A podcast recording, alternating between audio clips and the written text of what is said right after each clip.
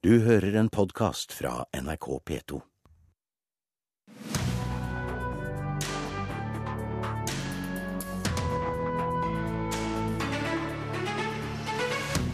Katastrofefilmen 'Bølgen' er ute av Oscar-kappløpet. Urørt-finalen bør ikke ligge i Oslo, mener musikere på Vestlandet, men P3 svarer det er best for musikken og artistene. Vi samler tre redaktører fra hele landet i Fredagspanelet i dag for å diskutere krig og litteratur, kunst og politikk. Dette er Kulturnytt i Nyhetsmorgen i NRK. Den norske filmen 'Bølgen' er altså ute av kampen om å vinne Oscar-statuetten for beste fremmedspråklige film. Det amerikanske filmakademiet har presentert listen over ni filmer som går videre til en ny runde. 'Bølgen' er ikke blant dem. Vi rekker det. Bare få Julia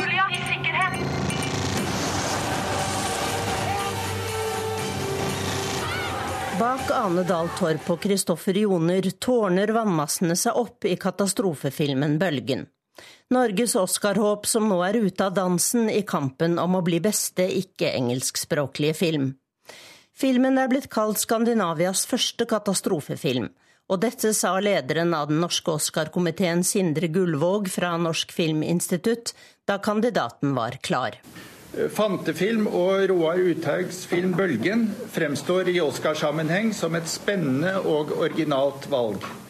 Etter Oscar-komiteens mening har filmen om flodbølgekatastrofen som rammer Geiranger, sterke filmatiske kvaliteter, et imponerende skuespillergalleri og et norsk særpreg som gjør den til noe langt mer enn den sjangerfilmen den også er. Men nå er altså filmen ute av denne dansen. På listen er derimot finske Klaus Herøs film 'Fekteren' og den danske filmen 'Krigen', regissert av Thomas Lindholm.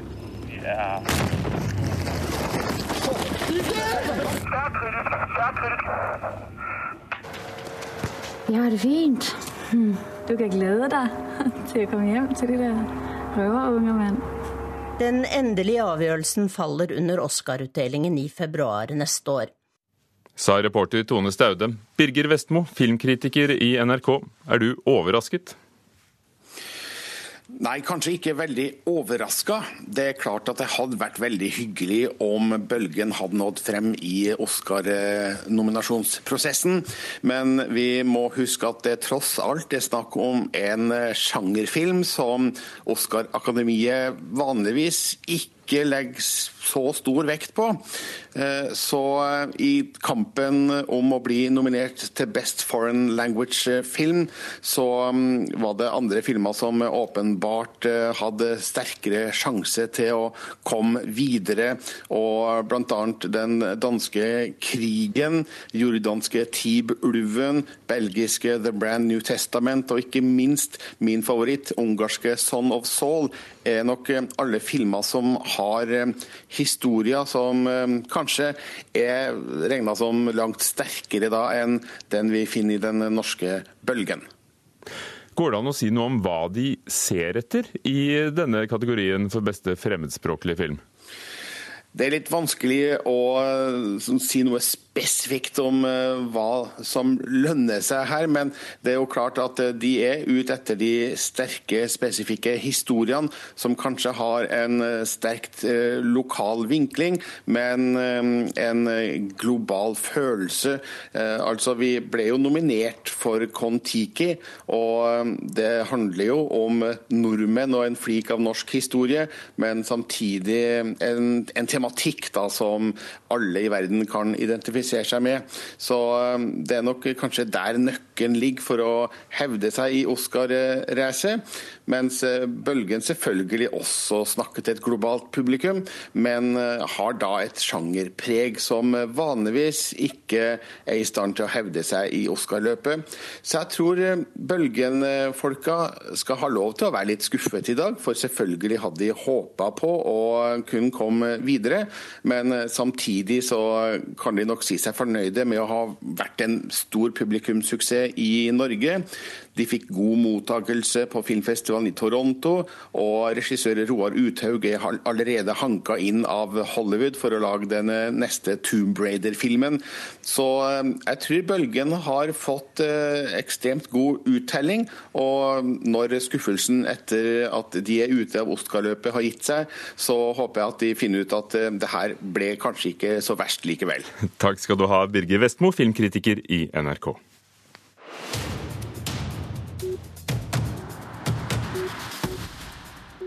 Urørt-finalen må ikke ligge i Oslo, det mener musikere på Vestlandet. I går ble det kjent at NRK P3 flytter finalen i konkurransen for ny og uoppdaget musikk Urørt fra Trondheim til Oslo.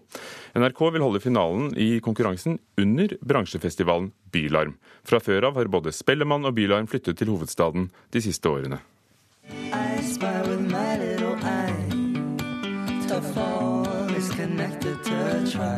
Mikael Paskalev vant finalen i NRK P3s musikkonkurranse Urørt i 2012. Redaksjonen for konkurransen holder til i Trondheim, og det var der finalen ble sendt fra. Men nå vil NRK flytte finalen til Oslo under musikkarrangementet Bylarm. Det mener Paskalev er både positivt og negativt. Kanskje mindre koselig, men enda proffere opplegg. Det blir veldig sentrert rundt Oslo. Da. Og Oslo er veldig kult, men det er kanskje den eh, størsteplassen i Norge når det gjelder musikk, som gjør at uh, det er mer eksponering. Men det er også litt mer sånn oppesen uh, publikum i forhold til liksom Bergen og Trondheim og Ålesund, om man får lov å strekke det så langt. Hvis du skjønner hva jeg mener. Flere store musikkarrangementer har blitt flyttet til hovedstaden. Etter tre år i Stavanger blir Spellemannsprisen flyttet tilbake til Oslo neste år, fordi det ble for dyrt å legge showet til Stavanger. Musikkonferansen og festivalen Bylarm, som i ti år ble arrangert i en rekke forskjellige norske byer, har nå holdt til i Oslo siden 2008.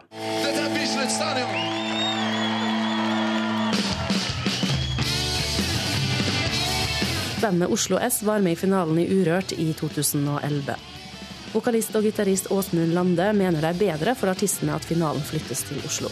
For musikerne så så må det jo være en, eh, en fordel at det blir flytta til Oslo og, og, en, og, blir en del av, av Bylarm. Der hvor det, veldig mye av musikk, musikkbransjen i Norge og egentlig hele Norden er til stede. Så det vil jo være en mye større mulighet for de å kunne vise seg fram uh, for flere folk. Og reporter her var Eirin Venås Sivertsen. Musikerne er altså mest positive til flyttingen av Urørt, eh, som vi hørte. Men eh, Karen Sofie Sørensen i organisasjonen BRAK, dere er et nettverk som arbeider for å gjøre Hordaland og Sogn og Fjordane til en internasjonal musikkregion. Eh, hva synes du om at NRK flytter Urørt-finalen til Oslo? Um, nei, det er jeg som sagt ikke så, så positiv til. Og Grunnen til det, det er jo fordi det som ble nevnt tidligere her, at dette kommer på toppen av en trend som vi har sett de siste åra, der stadig flere nasjonale musikkarrangement legges til Oslo. Bylam, eh, som starta som festival som nettopp skulle samle musikkbransjen utenfor Oslo, valgte etter ti år å legge seg permanent til hovedstaden. Tidligere år ble det òg bestemt at Spellemann skal arrangeres i Oslo i januar.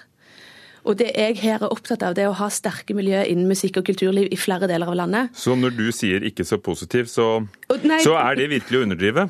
Det, no, det, da underdriver jeg. Også fordi jeg mener at NRK òg bør være opptatt av det å bygge de regionale miljøene som en del av sitt allmennkringkastingsoppdrag. La oss høre. Mats Borch Bugge, musikksjef i NRK P3. Hva er grunnen til at dere har valgt å legge Urørt eh, til Oslo Bylarm, og ikke fortsatt holde det i Trondheim?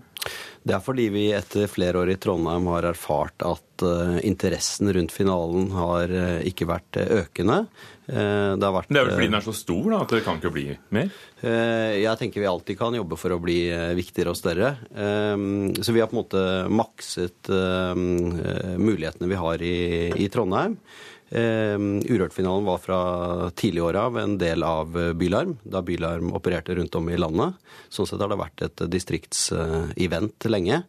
Um, og nå flytter vi da til Oslo for å uh, sørge for at vi kan um, uh, ja, opprette noen synergier med Bylarm. Vi holder på med akkurat det samme, fronting av nynorsk musikk. Og det fins en rekke internasjonale aktører til stede under dette bransjetreffet, som gjør det mulig for artistene å nå ut eh, over landets grenser raskere enn om vi hadde vært et annet sted hvor det ikke er noen er internasjonale delegater til, til stede.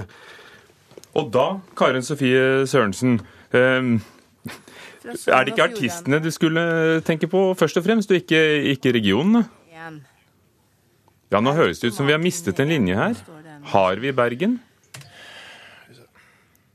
Det vi hører nå er jo slett ikke Karen Sofie Sørensen, men Bergen. Så hvis vi blir kvitt den linjen så lenge, og så spør jeg deg, Mats Borch Bugge, musikksjefen i P3.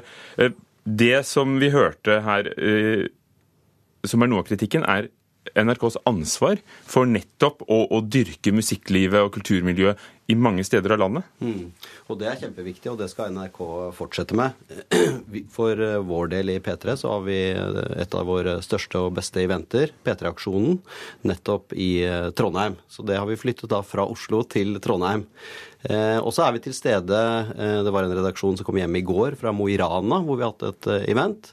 Så vi er rundt i landet gjennom hele året. Når det gjelder Urørt spesifikt, spesifikt og kritikken vi får rundt det at musikermiljøene svekkes, så er Urørt til stede rundt om i landet til enhver tid, altså gjennom hele året. Da bortsett fra selve dagen for Urørt-finalen. Da skal vi være på Bylarm i Oslo. Men utover det så har vi da en rekke potensielle finalister som kommer fra absolutt hele landet, når vi ser over oversikten per nå. Karin Sofie Sørensen, jeg vet ikke om du hørte alt, for det var en stund vi ikke hørte deg. Men altså, Mats Borch Bugge sier at det, at det, er jo nettopp hensynene til å bringe artistene frem som, som, gjør at det flyttes til Oslo. Og andre arrangementer blir derimot flyttet ut i distrikter. Ja, men her, her, er mitt poeng at det, akkurat nå så virker det litt lite logisk å flytte eh, Bylam Flytte Urørt-finalen til Bylam og Oslo.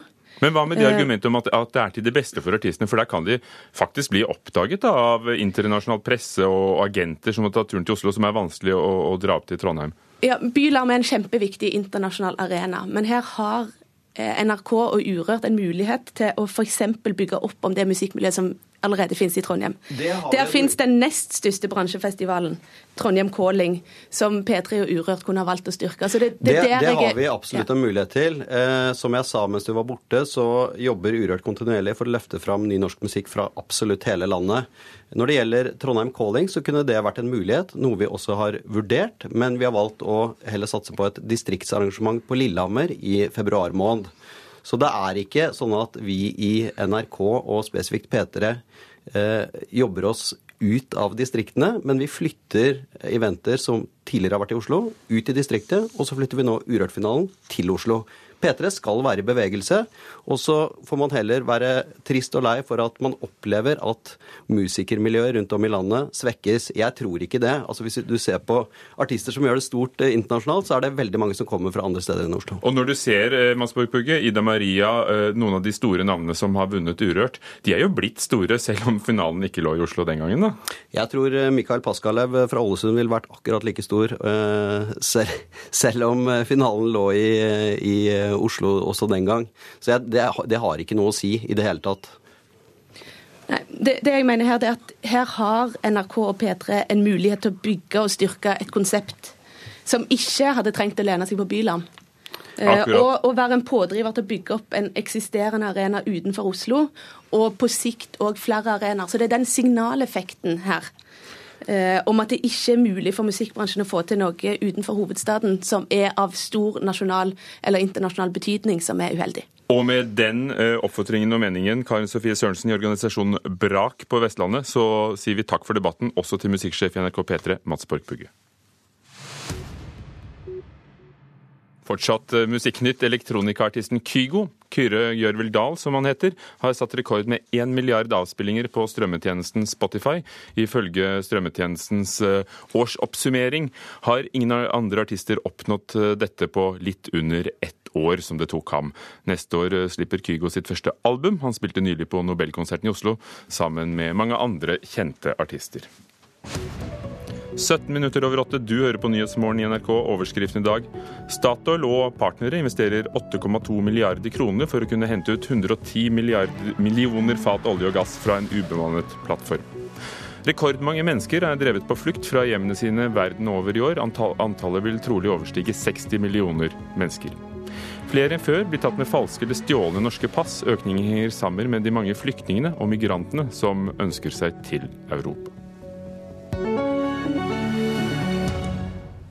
Og her i Kulturnytt har vi samlet et fredagspanel rundt omkring i landet. Jeg begynner i Tromsø. Sjefredaktør i avisen Nordlys, Anders Oppdal, velkommen. God morgen, god morgen. Det er alltid litt spennende å høre om du svarer. Eh, kulturredaktør i Dagbladet, Geir eh, Ramnefjell. Uh, og kulturredaktør i Fedrelandsvennen Karen Kristine Blågestad i Kristiansand, god morgen. God morgen, god morgen. For nå har vi plassert dere, og så hører vi, hører vi hvordan dere låter når vi nå stiller spørsmålene og forventer alltid et ja eller nei først.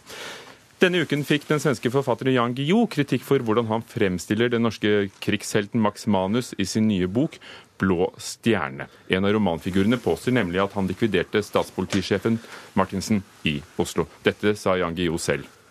Man skal ikke bli så fornærmet over uh, hva romangestalter sier. Meningen med denne uh, boken er å forsøke å berette historien som den opplevdes da, ikke som vi kjenner til den i etterhånd.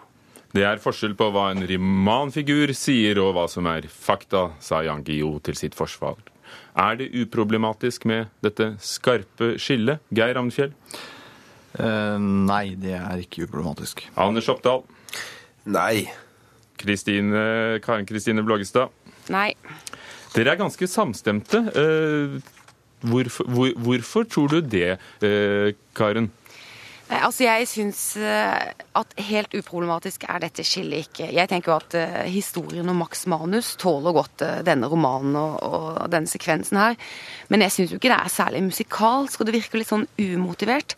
Eh, litt sånn rørete å blande sammen så mye fiksjon og så virkelighet på denne måten. Og som sagt, igjen virker litt umotivert. Jeg skjønner ikke helt poenget, uten at jeg har lest boken, da. Anders Oppdal? Altså, det, er ikke noe, det er ikke noe unikt eller spesielt med at du mikser inn litt eh, fiction i, i, fakta og vice versa. Det er helt vanlig, og det må man kunne regne med, og det er greit stort sett. Men det er jo det, er jo det her med takt og tone. Og akkurat i dette tilfellet her, så blir det problematisk. Eh, når Jan Guillaud eh, bruker en norsk krigshelt, eh, legger gjennom en romanfigur skylda på eh, drapet på politisjef eh, Carl Hermansen, på, på, han. ikke sant? Og Det er supersensitivt. Det, det, er ingen som vet hvem som avfyrte de skuddene. Og det, førte til at veldig mange mennesker i Norge ble drept. Over en 30-talls 30 dødsdommer som ble utstedt. Og det er klart at da er du over i, i, i den problematiske sfæren. Men sånn, sånn i utgangspunktet så, så, så, kan man jo bruke den teknikken, men det er noe med, med takt og tone. og Etter mine begreper så hopper Jan Guillaud på feil side her. Eh, men politisjef Martinsen, har det i ettertid eh, historikere så å si bevist at ble drept av noen andre enn Max Manus. det, Men det var jo stemmer den gangen så, som hevdet dette. Og det er jo det Guillou sier, Geir Ramnefjell. At jeg skriver om tiden da, hva man trodde da. Ja, men uh, han sitter jo nå tross alt uh, i vår tid og skriver dette. Og historiske romaner er jo en god og fruktbar sjanger, men den er jo avhengig av en, uh, av en viss historisk etterrettelighet. Ellers så imploderer jo sjangeren. Noe av poenget med historiske romaner er jo nettopp å kunne skildre historien på en, på en mer inngående og mer meddrivende måte enn det en rein historiebok kan gjøre. Men man er jo likevel avhengig av en troverdighet i fortellingen. og det med, en sånn type, med et sånn type feilskjær som dette, så imploderer jo nettopp den eh, troverdigheten. da. Er dette verre enn en den gangen eh, den danske forfatteren Klaus Rifbjerg la Nansen i soveposen med Johansen? Ja, det er eh, ja, litt annen valør har det jo. altså Det er ikke helt sammenlignbart. Men jeg tenker at hvis poenget til Guillou var å utløse en diskusjon om norsk motstandskamp, noen ganger gjorde forholdene verre for eh, den gemene norske befolkning, med tyske hevnaksjoner som kom som svar, så syns jeg at det er litt uinteressant at han peker på Max Manus. Da, jo, da er jo historien mye mer eh, interessant som den står nå, at det er et stort spørsmålstegn ved akkurat den episoden. Guri Hjeltnes var jo i studio eh, i jeg vet ikke om det var her eller i Dagsnytt 18 og snakket om dette. og Hun påpekte at selv hvis man ser med datidens bilder, så var jo dette her en, en, en replikk som virker helt usannsynlig. Det var ikke den type holdning man hadde til motstandsbevegelsen eller, eller Max Manus. Anders Oppdal. Nei, altså Jeg tenker at Når du leser en bok her, og den kommer, så altså, du kan jo ikke forutsette at folk uh, kjenner til hvilket uh, historisk research som er gjort, eller hvilke spekulasjoner som er rundt, uh, rundt det her, eller Mats, Max Manus sitt konkrete forhold til, til denne her hendelsen. Ikke sant? Det det så er du redd det får feste seg, tenker du? Nei, det fest, altså ikke for mange. Det tror jeg ikke er et stort problem. Og, og, men, men, men, men, for noen, ikke sant. Og da, det skal det nok, for som jeg sier, dette er en betent sak. Det var veldig mange, veldig mange mennesker som mista livet. Jeg har sjøl snakka med folk som var eh, historisk sett knytta til, til, til, det motstandsmiljøet for, for, en tid tilbake siden. Og, og, det, og, det, er fortsatt en sak som, som, som det er følelser rundt. Sterke følelser. Dere, vi skal videre. Denne uken fikk vi ny kulturminister. Det hadde vært litt kjipt å måtte levere kortet til f.eks. en sosialist som hadde putta alle de gode ideene våre ned i makulerte eller putta dem ned i en skuff. Alle triksene som jeg har brukt overfor alle kollegaer, skal du få gratis. Det her er det noe som står igjen etter deg, Toril, og det grunnlaget du har lagt. Oi, oi, oi! Linda Hofstad Helleland, også fra Høyre, overtok fra Toril Vidvei. Nok en gang får Kulturdepartementet en minister uten særlig erfaring fra verken kulturfeltet eller kulturpolitikken. Er det fordi kulturfeltet ikke er særlig viktig for norske politikere? Anders? Nei. Karen? Ja. Geir? Ja. Eh, Anders, du, du, du avviser påstanden. Hvordan kan du det? Jeg avviser den kontant. Selvfølgelig kultur viktig for norske politikere. Eh, like mye som, som f.eks. fiskeri er, er, like, er, viktig for norske politikere. Per Sandberg er akkurat blitt fiskeriminister. Han har vel knapt sett en torsk i hele sitt liv.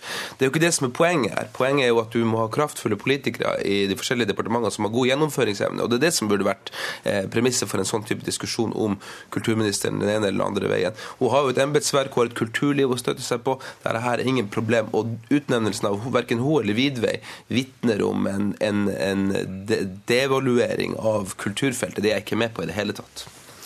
Nei, det er ikke noen devaluering av kulturfeltet, men det, det, det var interessant å lese Alfred Fidjestøls bok om Kulturrådets 50-årsjubileum som kom ut i høst, hvor han påviste at de som var kulturpolitikere på Stortinget, ikke visste om f.eks. den nye lovendringen som gjelder for, for Kulturrådets uavhengighet og avstands, altså armlengdes avstandsprinsipp til, til, til Stortinget. Og det er vel en sånn slags gjennomgående mistanke man har om at de som bestyrer kulturpolitikken blant blant politikerne våre, de, de, har ikke nødvendigvis blitt satt til det som oppfattes som den viktigste og mest prestisjefylte oppgaven. Men, men altså, det der kan du finne i felt etter felt. Sånn vil det jo være om du tar om det er fiskeri eller samferdsel osv. Du finner jo nøyaktig de samme kunnskapshullene der. Ja, det gjør man kanskje, men du kan jo bare se på hvor stort statsbudsjettet er, og hvor stor del av det kultursektoren utgjør. og Det er jo en bitte liten prosent. Så det er klart at kultursektoren den er ikke viktig og ikke sentral nok i norsk politikk. Og, og hvorfor er det blitt sånn, tror du, Karen? Nei, er, jeg tror det har, det har, jo med penger å gjøre, altså hvor mye det beveger hele resten av eh, Norge. Og så er det jo også sånn at det er jo ikke så stor forskjell på kulturministre, altså hvilken regjering de kommer fra. Nå har vi i Vidveis periode fått et mye mer fokus på privat finansiering i kultursektoren osv., og, og, så og det er jo høyrepolitikk. Men hun har jo holdt det samme budsjettet, altså det har vært like høyt under hennes regime, og det er bare et lite knippe mennesker i Norge som har merket noen forskjell på henne og en Ap-statsråd. Så kultur er ikke viktig. Det er ikke det som beveger norsk politikk. Bare et knippe mennesker som merker forskjell, Geir? Ja, jeg, jeg husker jeg diskuterte det i redaksjonen. Da var det sånn, ja, hvem, er, hvem, i Norge er det som egentlig kan norsk kulturpolitikk?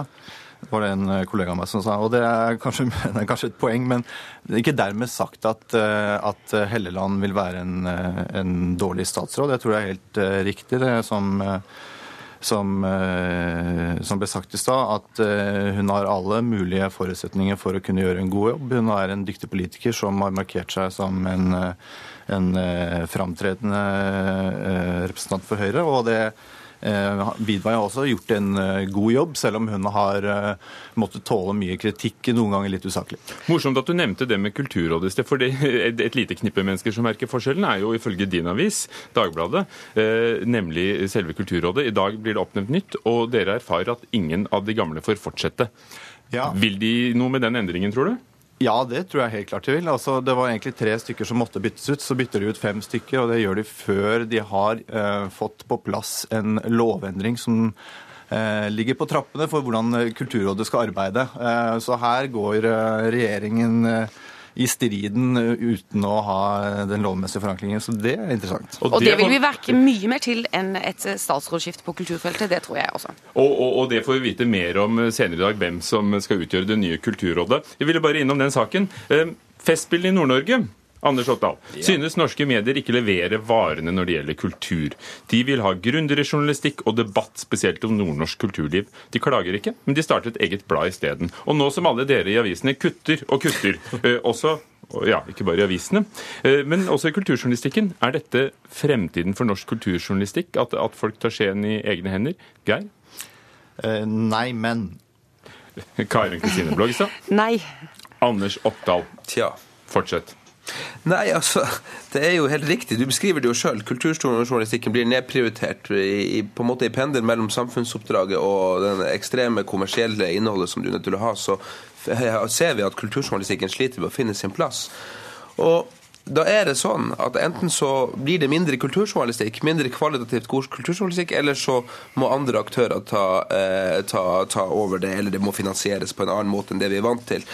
Poenget her, eh, og det som er min frykt, og som gjør at jeg ikke liker det her egentlig som grunnleggende, og som jeg tror gjør at det kan bli ganske rotete, det at hvordan skal du sikre uavhengigheten til denne type publikasjoner og blogger og nettsteder som kommer til å dukke opp som paddehatter på de områdene som de tradisjonelle mediene ikke har tid eller rom til å, til å prioritere? Ja. Uh, og, og, og, da kan du ende opp med reklameblader ikke sant, i hytte og gevær. Og, og, det syns jeg er kjempeproblematisk. Men at det kommer til å skje i større grad ja. Stopp en hal, Geir. Ja, jeg vil, jo, jeg vil jo bare moderere dette inntrykket av at eh, alle kutter i kulturjournalistikken. Det stemmer ikke. Det er masse kulturjournalistikk i, eh, i Dagbladet, det er masse kulturjournalistikk i Aftenposten. Har dere ikke kuttet i kulturjournalistikken? Uh, vi bruker like mye penger på kulturjournalistikk. Men jeg vil også si at uh, dette med uavhengighet er et problem. Altså, man vet jo ikke hva slags rolle uh, Festspillene i Nord-Norge vil ha i publikasjonen, og det, ja, det kan man stille spørsmålstegn ved. Karen? Nei, kulturaktørene kan ikke drive troverdig journalistikk på seg selv. Det er ikke en forretningsmodell som står til troende. Takk skal dere ha. Fredagspanelet i dag, Karin Kristine Blågestad i Fedrelandsvennen, Geir Amnfjell i Dagbladet og Anders Oppdal, sjefredaktør i Nordlys. I Kulturnytt i dag har vi hørt at den norske katastrofefilmen 'Bølgen' er ute av Oscar-racet, og var ikke blant de ni som går videre for å bli beste fremmedspråklige film. Vidar Sem var produsent, Ugo Fermariello programleder. Du hører på Nyhetsmorgen i NRK. Klokken er straks halv ni. Du har hørt en podkast fra NRK P2.